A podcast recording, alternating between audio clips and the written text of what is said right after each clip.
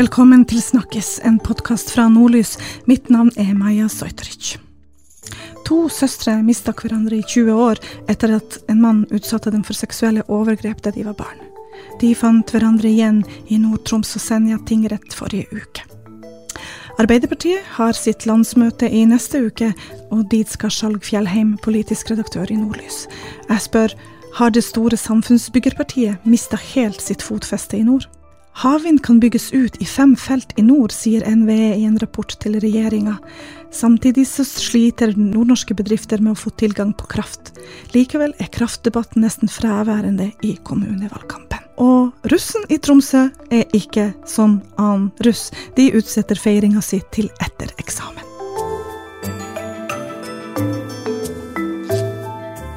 En ung kvinne ble oppringt mens hun var på hyttetur eh, med en venn. På andre enden av røret var en mann som ville at hun skulle komme på besøk. Hun hadde ikke hørt fra den mannen siden hun var barn, da han forgrep seg på henne. Telefonoppringninga førte selvfølgelig til stor sjokk for denne unge kvinnen. Det førte også til at hun meldte saken inn til politiet, noe som eh, etter mange tilleggselementer førte til at en sak gikk opp for Nord-Troms og Senja tingrett i forrige uke. Og der var du journalist, Eirik Linaker Berglund. Det her er jo en veldig sterk eh, historie, eh, som da etter hvert fikk eh, mange dimensjoner og flere lag. Kan du fortelle oss eh, hva møtte deg i Nord-Troms og Senja tingrett forrige uke? Dette er jo en sak som eh, handler om seksuelle overgrep eh, både i nyere tid og i eldre tid, fordi eh, vi hadde her en tiltalt som var tiltalt for et forhold som skulle ha skjedd i 2021, i tillegg til å være tiltalt for forhold som skulle ha skjedd i 1999 og år 2000, så ganske langt tilbake i tid. Som er et litt spesielt utgangspunkt eh, for en, for en rettssak. Mm, for det var det forholdet som skjedde da i nyere tid, eh, hvor den tiltalte hadde blotta seg for et barn, som førte faktisk til at saken til den unge kvinnen, som ble meldt for en stund tilbake om denne telefonoppringninga, eh, ble rulla ytterligere opp. Og da kom det et tilleggselement, for denne kvinnen har en søster. Det som skjedde i, på slutten av 2020, var ei av to søstre ble oppringt av mannen som da skulle ha forgrepet seg på henne for mange år siden, over 20 år siden. Kvinna tok kontakt med politiet for å få besøksforbud på mannen, fikk ikke det. Men hun fortalte nok til politiet til at de noterte seg navn på, på vedkommende. Når da, det da dukka opp en fersk sak i 2021, så var da tilbake i tid og begynte å etterforske det her. Og søstera ble da innkalt som vitne. Så kom det da for en dag at hun også bar på overgrepshistorie. Og det som er på spesielt med denne saken, er jo at eh, vi har å gjøre med to søstre som nå er i 30-årene, eh, godt voksne damer, som hver for seg ble utsatt eh, for overgrep av eh, samme person. Han har jo erkjent eh, de aller fleste forholdene her. Eh, og så har de da, uten å vite om hverandre sin historie, levd eh, parallelle liv egentlig, uten å ha hatt så mye kontakt med hverandre. Med hverandre mm. før det her da skjer, og, og snøballen begynner å rulle, og de begynner å fortelle mer og mer. Og det kulminerte da, som du sa, i den rettssaken som var forrige uke i Nordtroms tingrett. Og det er jo De møter opp i tingretten i forrige uke. Um, hvordan har de det? Det her er jo to, to damer som kunne fortelle om um, mange år med store skadevirkninger og hendelser i barndommen når de da var henholdsvis sju og ni år, som, uh, og delvis ti år, som uh, har satt sine sterke spor hos dem. Uh, hun ene og yngste er jo da varig ufør, uh, i en alder av rundt 30 år det. Ikke, ingen arbeidsevne. Den andre av dem uh, har stått i jobb hele tida, men har, som hun fortalte i retten, fortrengt alle minnene. Helt til det her kom opp, da. og det er en prosess der minnene kommer tilbake, og, og det gjenskaper traumer, uh, som det ofte gjør når det er snakk om seksuelle overgrep. Det er jo sånn at uh, de aller fleste som blir utsatt for seksuelle overgrep, de opplever store skadevirkninger, og det, det tar lang tid før de uh, forteller om det her til, uh, til omverdenen. Hva er det sånn 17-20 år som er på en måte fra overgrepet har skjedd, til folk klarer å snakke om det eller anmelde det? Små barn som mm. blir utsatt for seksuelle overgrep. De melder ikke ifra så lett. 17,2 år viser forskninga at det tar i, i, gjennomsnitt. Og det er forskjellige årsaker til det. Mange, mange opplever det her kanskje i ung alder. ikke sant? Det å forholde seg til det her som barn er noe helt annet enn å forholde seg til, til det som voksen. Og det er ofte en prosess der de går gjennom. Det kan være skam knytta til det her, det kan være skyldfølelse, redsel. Eh, de må kanskje bli trua i noen tilfeller.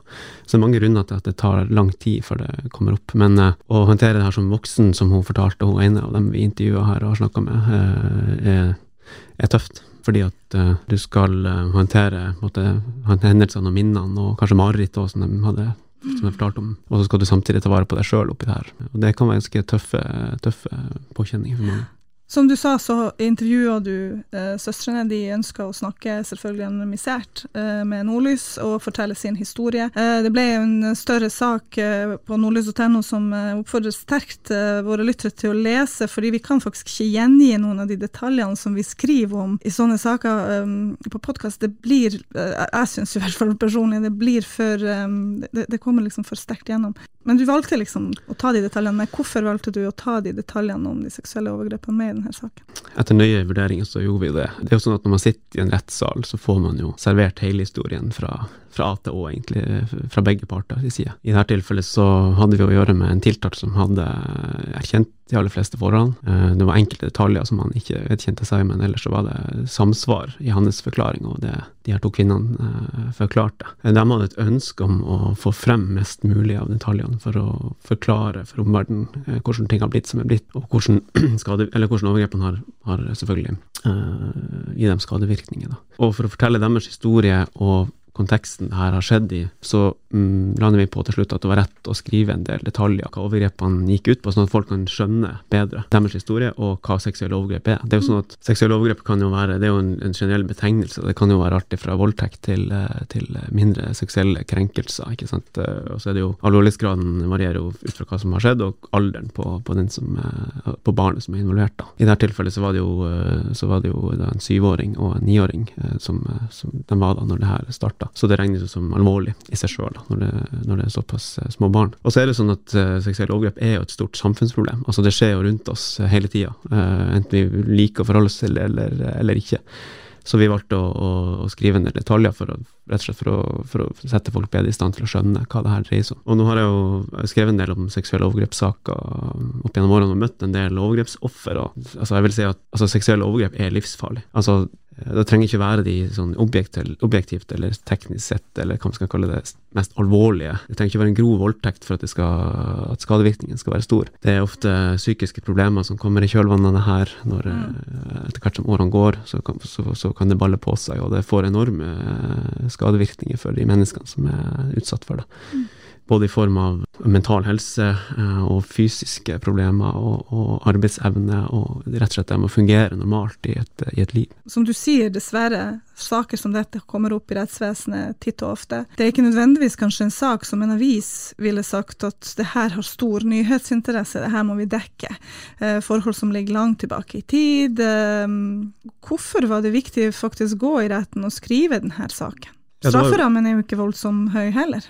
Nei da, altså Aktor la under posten om tre år, og så kan man diskutere om det er høyt eller lavt eller strengt eller ikke, men uh, faktum er i hvert fall at uh, det var ingen andre medier til stede. Det var vi som, som, som var der. Grunnen til at vi gikk i retten denne gangen, var jo fordi at vi som journalister så har vi tilgang til tiltalene som blir tatt ut i forkant av en rettssak, og vi leste jo der at, som vi var innom i stad, at det var et nytt forhold han var tiltalt mm. for, og så var det noen kjempegamle forhold mm. med to søstre mm. involvert. Eh, så vi ante jo allerede der at det her lå det i historie, og så tok vi kontakter med bistandsadvokatene til de her to, som man ofte får når man blir utsatt for sånne ting. Da har man behov for bistand til, til litt av hvert, og for å undersøke litt nærmere om hva, hva, det var slags historie. Og det viste seg jo at det var, det var en historie som vi følte var verdt å, å fortelle, fordi som vi snakket om i stad, det tar lang tid før overgrep blir, blir fortalt om og avdekka. Og i dette tilfellet var det jo også litt tilfeldig at det faktisk ble rulla opp i den grad det ble da. Mm.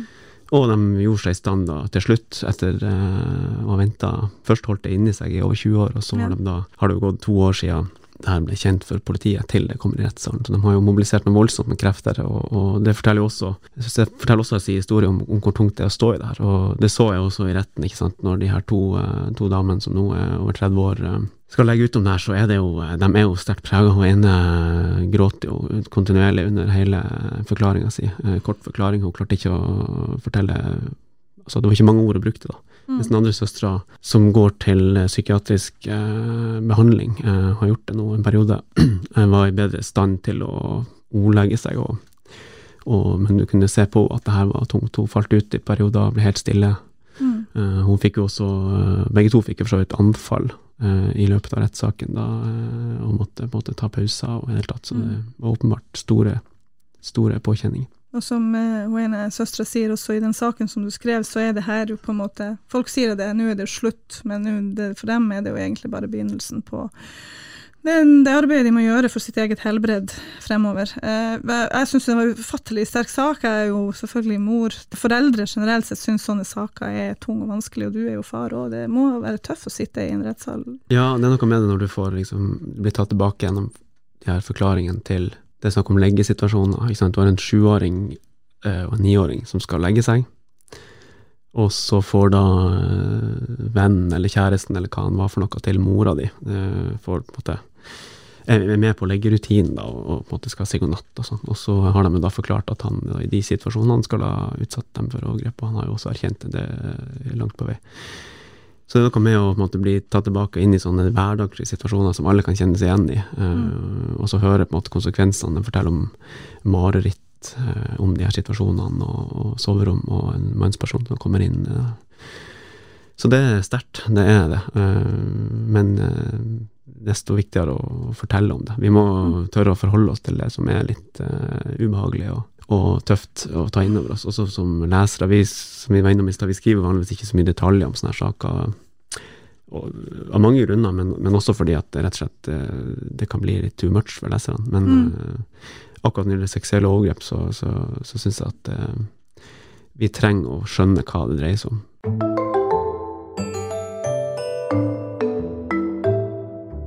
I neste uke er det duket for en stor eh, anledning i den politiske kalenderen eh, hvert år, og det er landsmøtet til Arbeiderpartiet. Arbeiderpartiet, som alltid har stått sterkt i Nord-Norge, gjør kanskje ikke det lenger på samme måte. Eh, I forrige uke ble det klart at eh, Bjørnar Skjæran, nestleder fra Lurøy i Nordland, blir erstatta av Jan Christian Vestre. Samtidig så meldte Helga Pedersen eh, seg villig til å ta over partisekretærrollen, noe som i så måte vil måtte medføre en kampvotering på landsmøtet i neste uke. Om hun har en stor støtte i landsdelen er kanskje mer usikkert. Du skal på landsmøtet til Arbeiderpartiet i neste uke, Skjalg Fjellheim, politisk redaktør i Nordlys. Hva tenker du? Vinner Helga Pedersen en kampvotering om det kommer så langt? Det eh, mener jeg eh, det er ganske liten sjanse for. Det er viktig å huske på at Kjersti Stenseng har støtte fra LO, fra AUF og fra de fire største fylkeslagene i Arbeiderpartiet. Eh, og Det som også er situasjonen, er at Helga Pedersen opprettholder sitt kandidatur, ja, men eh, det er ikke sikkert at hun klarer å samle de nordnorske delegasjonene bak seg hvis det skulle bli en kampvotering. Det, det, er jo skriftlig avstemning om dette på Arbeiderpartiets landsmøte, sånn at det er liksom litt vanskelig da å vite hva folk kommer til å stemme til syvende og sist. Eh, men slik jeg tolker situasjonen, så vil både Nordland og Troms råde sine delegasjoner til å følge valgkomiteens samlede innstilling. Hva Finnmark gjør, vet jeg rett og slett ikke. Det er vel sannsynlig at de piskes på plass for å støtte sin, sin egen Helga. Da. For Finnmark Arbeiderparti er kanskje delt mellom vest og øst, også i denne saken? Ja, hvis man nå leser Altaposten og vår kollega Jarle Mjøen, som er politisk redaktør i Altaposten, så forteller han jo ganske greit i sine reportasjer de siste dagene om et Alta og et ja, Vest-Finnmark som ikke akkurat står tungt i ryggen bak Helga Pedersen i denne saken. Men hvorfor er det ikke en forventning fra et samlet Nord-Norge om nordnorsk representasjon i toppledelsen av Arbeiderpartiet? Det hadde det kanskje vært tidligere, men nå er det jo veldig stille fra mange delegater, og også relativt stille fra offentligheten. Folk flest bryr seg jo egentlig ikke om det er representasjon fra Nord-Norge i ledelsen av Arbeiderpartiet. Er det et problem? Det som er litt spesielt å se, det er at uh, denne uh, aksjonen for å få Helga Pedersen inn som partisekretær, som en slags nordnorsk alibi, det har ikke sitt utspring i Nord-Norge. Helga Pedersen er ikke foreslått av noen fylkespartier eller kommunepartier i Nord-Norge, men det kommer fra Oslo Arbeiderparti. Det er der kravet kommer fra. Så jeg opplever ikke at Helga Pedersen er en slags nordnorsk eh, kandidat her. Ja, hun har postadresse i Tana, men eh, støtten kommer først og fremst fra andre deler av eh, landet. Og nå tror jeg at det har blitt sånn som det har blitt med Bjørnar Skjæran og nå med Helga Pedersen, at Bjørnar Skjæran hadde da ikke kunnet bli kasta som, eller vraka som nestleder i Arbeiderpartiet hvis han hadde hatt et samla Nord-Norge i ryggen. Det ville vært helt umulig. Mm. På samme måte så ville det vært 100% sikkert at Helga Pedersen hadde danka ut Kjersti Stenseng hvis hun kunne ha sagt har et samla Nord-Norge i ryggen som krever dette, og nå har vi ingen nordlendinger i den øverste ledelsen av Arbeiderpartiet. Her kommer jeg, Helga Pedersen fra Tana, melder meg til tjeneste, har hele Nord-Norge fra Bindal til Pasvik i ryggen. Slik er det ikke for helga. Nei, og da er det jo kanskje lettere å spørre seg om Jan Christian Vestre kan faktisk bli bedre, en bedre løsning for, for, å gjennomføre en arbeiderpartipolitikk i Nord-Norge. For det har vi jo sett, at han har jo reist mye, han har snakka med veldig mange folk, og han har ikke heller den der uh, bindingen til et fylke i Nord-Norge på seg. For det som er, kan være litt problematisk her, er jo at Nord-Norge klarer ikke å samle seg fordi det er så sterk fylkestankegang også i Arbeiderpartiet. Du kan si på mange måter at det som kommer tilbake og biter Bjørnar Skjæran i halen, og nå Helga Pedersen i halen, det er jo nettopp denne fylkeslogikken i Nord-Norge. Fragmenteringa av det politiske Nord-Norge, fylkesfiseringa av politikk, av samfunnsliv på alle eh, tenkelige områder, som har ført til at den felles nordnorske, både identiteten og det nordnorske politiske samholdet som vi var kjent for tidligere, har forvitra.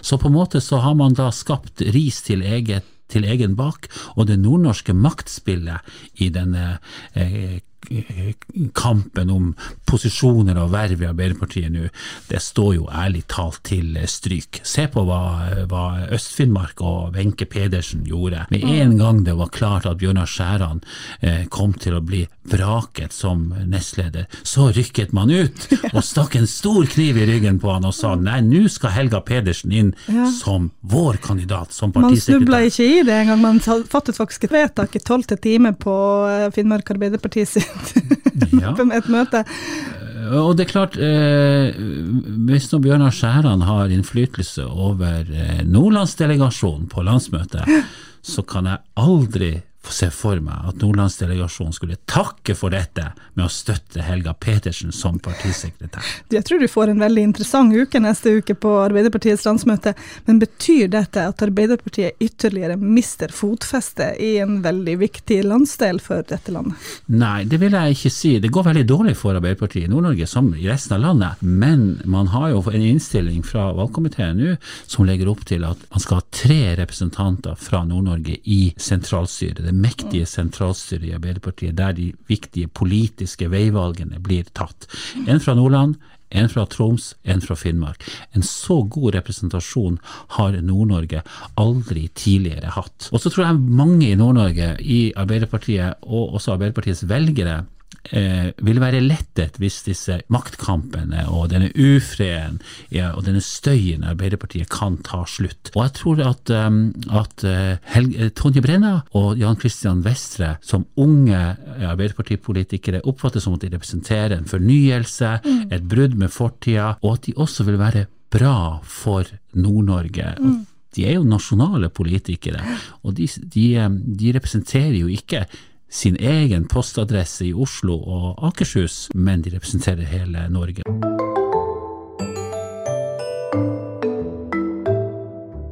Jeg slipper ikke politisk redaktør Skjalg Fjellheim eh, helt eh, enda, for i går så ble det klart at NVE har utreda 20 nye mulige plasser for havvindutbygging i eh, Norge. Fem av disse er i Nord-Norge, to utenfor Finnmarkskysten, to eller tre, en utenfor Troms og en utenfor nordlandskysten. Disse er områder som NVE anser som ikke fullt konfliktfylt når man skal da etablere havvind, og vi har utsikter om eh, kraftig energiunderskudd i denne landsdelen som eh, det er viktig å gjøre noe med.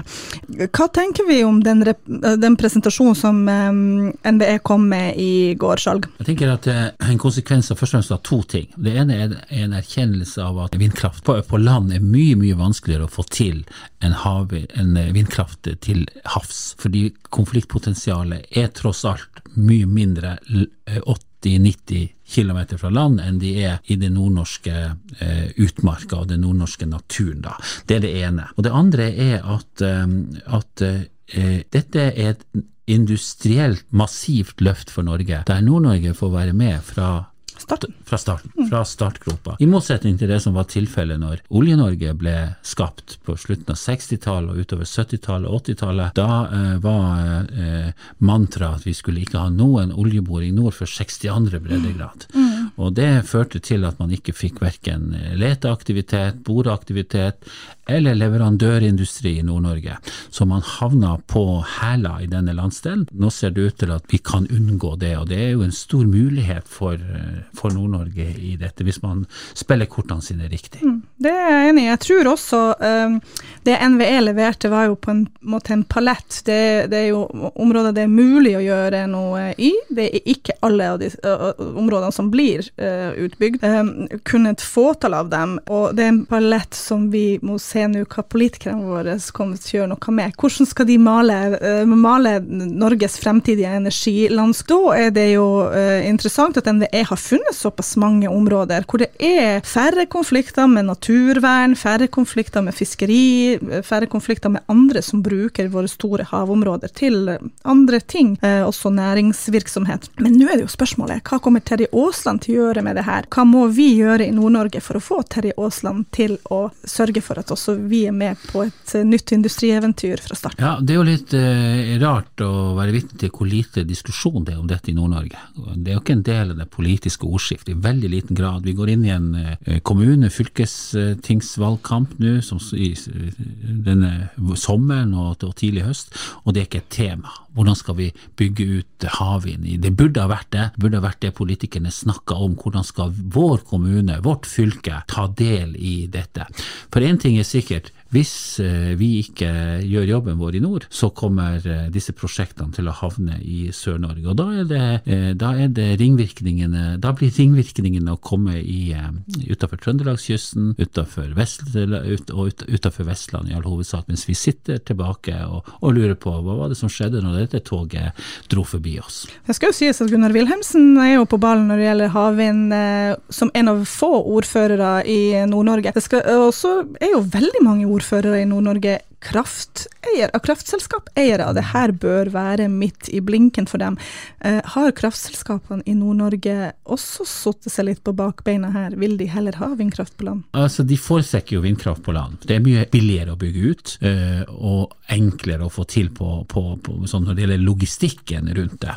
Fordi havvind ute til sjøs er jo forferdelig dyrt, og det kommer til å bli forferdelig ulønnsomt. Så det er avhengig av store statlige subsidier hvis man skal få det til. Men jeg tror jo at eh, et selskap som Tromskraft er i ferd med å realitetsorienteres når det gjelder dette. At det er, det er havvind som kommer til å bli eh, det, det, den ledende eh, måten, den, den førende måten vi kommer til å forsyne også Nord-Norge med fornybar energi på i framtida. I tillegg til at vi må satse på å bygge ut eksisterende vannkraft videre osv. Mm. Vindkraft på land pga. Mulige konflikter med reindrifta, som vi har fått demonstrert gjennom Fosen-dommen. Der er det en lang vei frem, og det konfliktpotensialet der. Ja, de lokale kraftselskapene som prøver å ta i dette, de møter veggen ganske fort. NVE-sjefen Kjetil Lund sa jo i går at havvind eh, kommer ikke til å være lønnsomt eh, med det første, sa han. Men vi snakker, det her snakker vi langtidsperspektiver, vi snakker opp mot frem til 2030. Etter hvert så kommer det til å bli mindre olje- og gassutvinning. Vi må jo eh, innse at vi må ha en robust industribygging på flere fronter, inklusive energi. Og der burde jo Arbeiderpartiet være helt midt. Det er jo tema ja. for dem. Fordi Arbeiderpartiet har jo tradisjonelt vært et parti her i Nord-Norge som har uh, hatt en sterk forbindelse til, uh, til nordlendingen, da, ikke sant. Uh, nordlendingen har på en måte stolt på at Arbeiderpartiet var, var, var det partiet som hørte og så og løfta befolkninga i Nord-Norge. og partiet har jo en sjanse til å gjøre det samme en gang til nå med denne fornybare energisatsinga som er på vei, og det grønne løftet, det grønne industriløftet. Og Der oppfatter jeg at en politiker som Jan Christian Vestre kan bli veldig veldig viktig for, for Nord-Norge. Så, så, så, Han blir nå nestleder i Arbeiderpartiet, han kommer til å være med å forme framtidas Arbeiderparti. Så det er jo veldig viktig at ordførerne i Nord-Norge oppretter en hotline, en forbindelse til eh, Jan Christian Vestre og også Tonje Brenna, den nye ledelsen i Arbeiderpartiet. I går kom altså NVE med en havvindrapport hvor de åpna opp for at fem områder i Nord-Norge kunne åpnes eller utredes videre for storslåtte havvindprosjekter. Problemet med Nord-Norge er jo at vi har ikke infrastruktur til dette. Allerede nå sliter veldig mange bedrifter med at de ikke kommer seg på nett, og får rett og slett ikke tilgang til den krafta som det eventuelt er mulig å få tilgang til allerede nå. Det ønsker NHO Arktis å skape enda større debatt rundt, og det er jeg helt enig enig i for øvrig. Kraftdebatten kommer i full fart også til Nord-Norge. Hvilke utfordringer møter dine bedrifter i, når det gjelder kraftsituasjonen i dag, Sigrid Ina Simonsen fra NHO Arktis?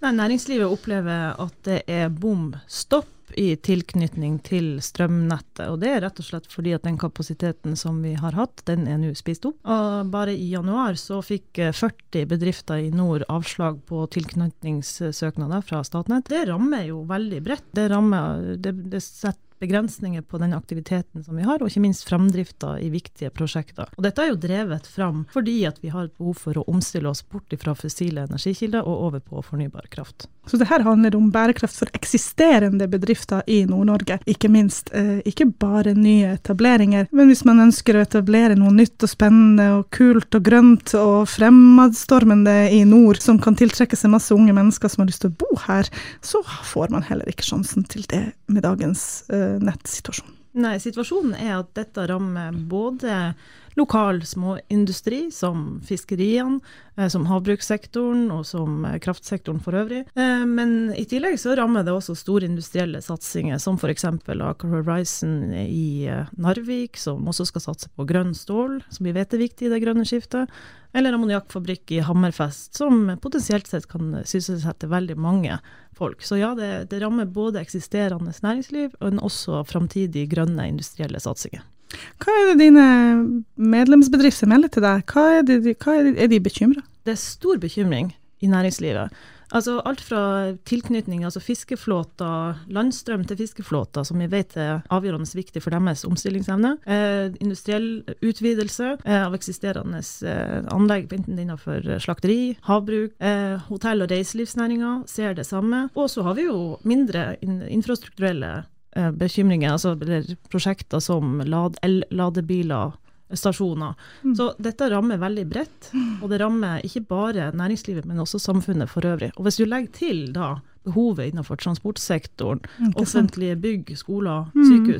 Så er det helt åpenbart at vi er nødt til å gjøre noe i Nord-Norge. Det er øh, åpenbart et øh, offentlig ansvar. Uh, det er åpenbart et ansvar som også vi aller fleste må ta. Energikommisjonen sa at vi må gjøre alt.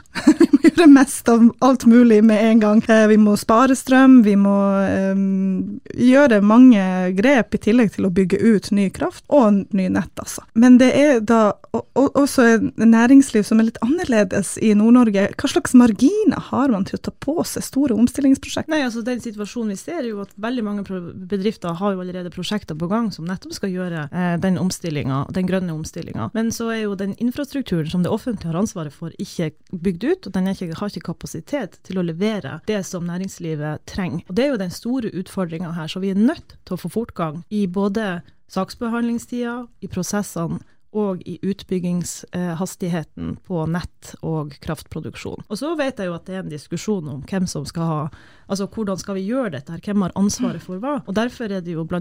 det at NHO og LO sammen med regjeringa nå har gått i gang med Kraftløftet, mm. som skal se på også rammevilkår, hvordan disse prosessene skal kjøres, men ikke minst først og fremst få kartlagt hvordan behovet ser ut, og hva som er mulighetene rundt mm. omkring. Mm. For det er ingen som ønsker seg at vi bare skal bygge ut mye ny, unødvendig eh, kraftproduksjon.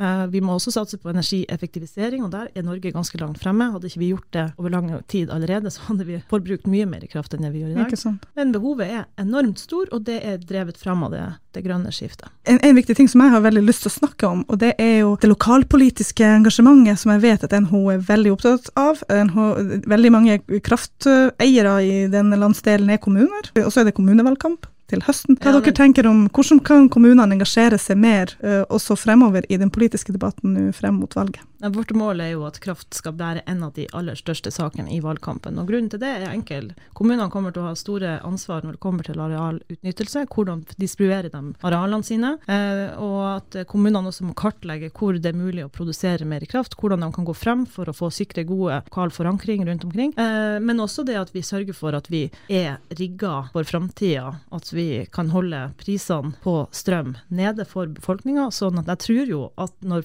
når denne situasjonsbildet blir kjent rundt omkring, så vil dette også skape lokalt engasjement. Men eh, det er ingen tvil om at i Nord-Norge har vi jo vært forskåna fra de høye strømprisene som vi så sørpå i løpet av vinteren. I hvert fall bare periodevis hadde vi høye strømpriser i Nord-Norge. Um, men det er jo en situasjon som fort kan snu.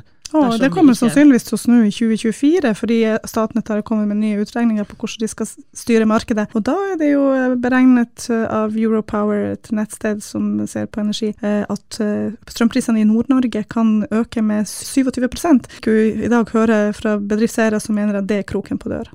Ja, det vi har sett sørpå, det var jo nettopp at dette ramma både befolkninga, altså folk flest, lommeboka til folk flest, hverdagen deres, men også mange bedrifter sleit enormt med den, og mange bedrifter klarte seg heller ikke gjennom den, eh, den enorme veksten i strømpriser som kom, kom, veldig raskt. Vi har en mulighet i Nord-Norge til å ta noen grep allerede nå. Det handler om å sikre den eh, altså sikre at vi har en fortgang og fremgang i prosjekter som allerede ligger på kraftproduksjon, at vi får fortgang og prosess, altså fremdrift i prosjekter på nettutbygging, men også at vi har en en plan for hvordan eh, vi skal, skal si, bygge ut ny fornybar kraft av andre områder. Der har jo regjeringa også kommet med en utlysning nå på disse havvindområdene som du, mm. du nevner, eh, som vi mener er veldig viktig i den framtidige energimiksen.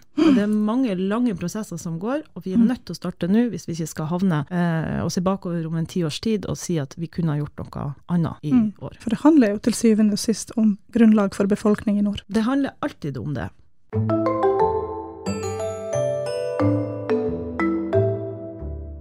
Har Tromsø-russen bestemt seg for å utsette russefeiringa til etter eksamen. Ganske revolusjonerende konsept, fordi resten av landet feirer russetida allerede nå.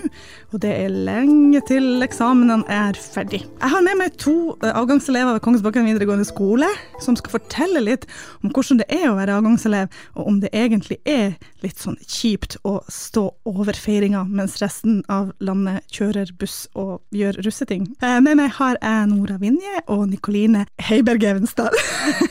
Velkommen. Eh, Nikoline, er det bare krise å stå over russetida nå? Personlig så er jeg veldig fan av ideen om å utsette russetida til etter vi har uh, fått unnagjort uh, skriftlig eksamen. Jeg syns det er en god idé. Um, jeg liker at uh, man slipper å stresse med det. det. Vi har nok å stresse med. Så jeg er egentlig veldig takknemlig for det og håper veldig på det før de bestemte seg for det også.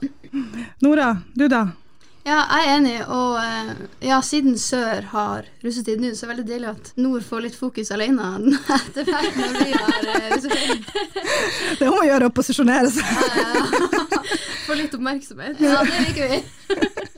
Men uh, altså, hvordan er dagene nå? Dere er jo faktisk en avgangsklasse som aldri før har hatt eksamen. Det her er jo først nå dere skal ha eksamen. Hva, hva kjenner dere på, Nikoline? Jeg er jo personlig veldig, veldig stressa. Det jeg har aldri hatt en eksamen før, verken uh, muntlig eller skriftlig, så jeg er jo spent. Går uh, ikke egentlig med skrekk blanda fryd, som jeg skulle til å si, men med, mest med skrekk. Skrekkblanda skrekk, rett og slett. Så, jeg, så jeg, jeg er stressa. Um, det gjør jeg. Men hva er det dere har på planen nå? Altså, jeg fikk jo dere nesten ikke til å rekke å komme hit i dag, for dere hadde både øvinger, dere går jo på musikklinja, eh, dere hadde både øvinger og masse frem og tilbake sjonglering. Eh, verre tidsklemme enn en småbarnsmor, Nora. Ja, nei, det er jeg ikke så sikker på. Men eh, ja, vi har ganske mye nå. Vi har jo både sånn semesterprøver og eksamensprøver. og så har vi Jeg vet ikke når det her kommer ut, men i morgen har vi jo Musikklinja har jo konsert på Skarven. Visekonsert. Torsdag, altså. Og det, denne podkasten kommer ut torsdagsmorgen, og og den- konserten er torsdag ettermiddag. Kveld. Klokka åtte på Ja. Skarven. Og da skal dere vise frem eh, Et bredt repertoar av forskjellige norske viser. Ja. Mm. Så det er hele musikklinja. Første, andre og tredje. Så det blir, eh, det blir kult. Men det er igjen masse eksamensstyr. Dere skal gjøre andre ting enn å bare musisere. Hva er det dere eh, tror dere kommer opp i eksamen Og MIP. Hva er det? Musikk, musikk i perspektiv. Oh, ja. Ja, altså musikkhistorie og det der. Ok, og det er noe du håper å komme opp i? Nei, det er noe jeg mest sannsynlig kommer opp i, som jeg ikke har lyst til å komme opp i. Nikoline? Ja, vi har jo eh, obligatorisk eksamen i hovedinstrument eh, i juni. Og så er jo norsk skriftlig obligatorisk, så vi har jo to trekkeksamener. Og jeg håper eh, egentlig litt på å komme opp i matte. Oh. Eh, jeg er veldig redd for å komme opp i dirigering eller Oi. historie, håper jeg ikke på. Men når dere er ferdig med de her skriftlige eksamenene, blir det ikke ekstra deilig med en fest da? Jo! Men jeg tror vi kan komme opp i sånn uh, muntlig eksamen helt til skoleslutt, liksom. Ja. Så jeg tror, eh, men det blir jo litt mindre stressa. Men eh, ja. Men så er det jo en, et liv etter russetiden og et liv etter skolen. Og grunnen til at jeg kjenner dere ganske godt, det er jo for at dere har vært med i et mentorprogram med sammen med Nordlys, hvor dere har anmeldt musikk eh, på Nordlysfestivalen, da, som som et sånt prosjekt vi hadde med Kongsbakken videregående skole. Og da ble jeg jo kjent med at dere har et veldig kult band som heter Girl Talk. Men nå det er jeg jo veldig nysgjerrig på, er det et liv for Girl Talk etter Ja, ja, vi skal prøve i hvert fall. Vi, eh, vi drar jo litt eh, Mange skal på folkeskole sørpå, Ja. og noen blir her, da. Så det blir litt sprøtt. Vi, er, vi har jo veldig lyst til å ha et liv med Girltalk etter, Ja, etter videregående, så jeg tror at eh, svaret er nok ja. Vi har jo litt planer, litt Kan vi si. vi har jo veldig lyst til å spille inn Eller vi skal, vi skal, vi skal, vi spille skal inn eh, nå. Ja, vi skal spille inn en EP uh, og få spilt inn uh, noe av musikken vår før vi drar, sånn at vi i hvert fall har, eh, har en EP klar som vi skal slippe kanskje til tidlig neste år, håper vi på. Så det blir veldig spennende. Hva er, ellers? Er det planer om studier i sørpå, eller blir noen her i Tromsø? Jeg har noen fag som jeg mangler, så jeg blir i Tromsø i hvert fall et år til. Ja. Ja, jeg skal på Romerike. På folkeskolen der. Det er, altså, det er jo arts and craft, men jeg skal jo eh, dra på musikallinja. Oh, Så jeg håper å gjøre det videre hvis jeg har guts nok. Ja, det vet du hva. Ungdommen, vet du. Det er jo bare å kjøre på. Eh, tusen takk for at dere kom, eh, og så lykke til med eksamen, og feir eh, fletta av byen når dere er ferdig med skolegangen. Tusen takk. Takk for denne gangen, og så håper vi at eh, dere kommer tilbake og lytter neste uke. Du kan finne oss på alle strømmetjenester der du ellers finner dine podkaster. Ha det.